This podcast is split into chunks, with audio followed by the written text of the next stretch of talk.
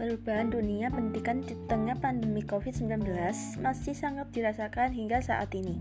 Hanya dalam waktu hitungan bulan, mau tak mau Kemendikbud harus mengganti arah kebijakannya guna membantu kegiatan belajar mengajar berjalan efektif meski dari rumah laju penyebaran COVID-19 di Indonesia.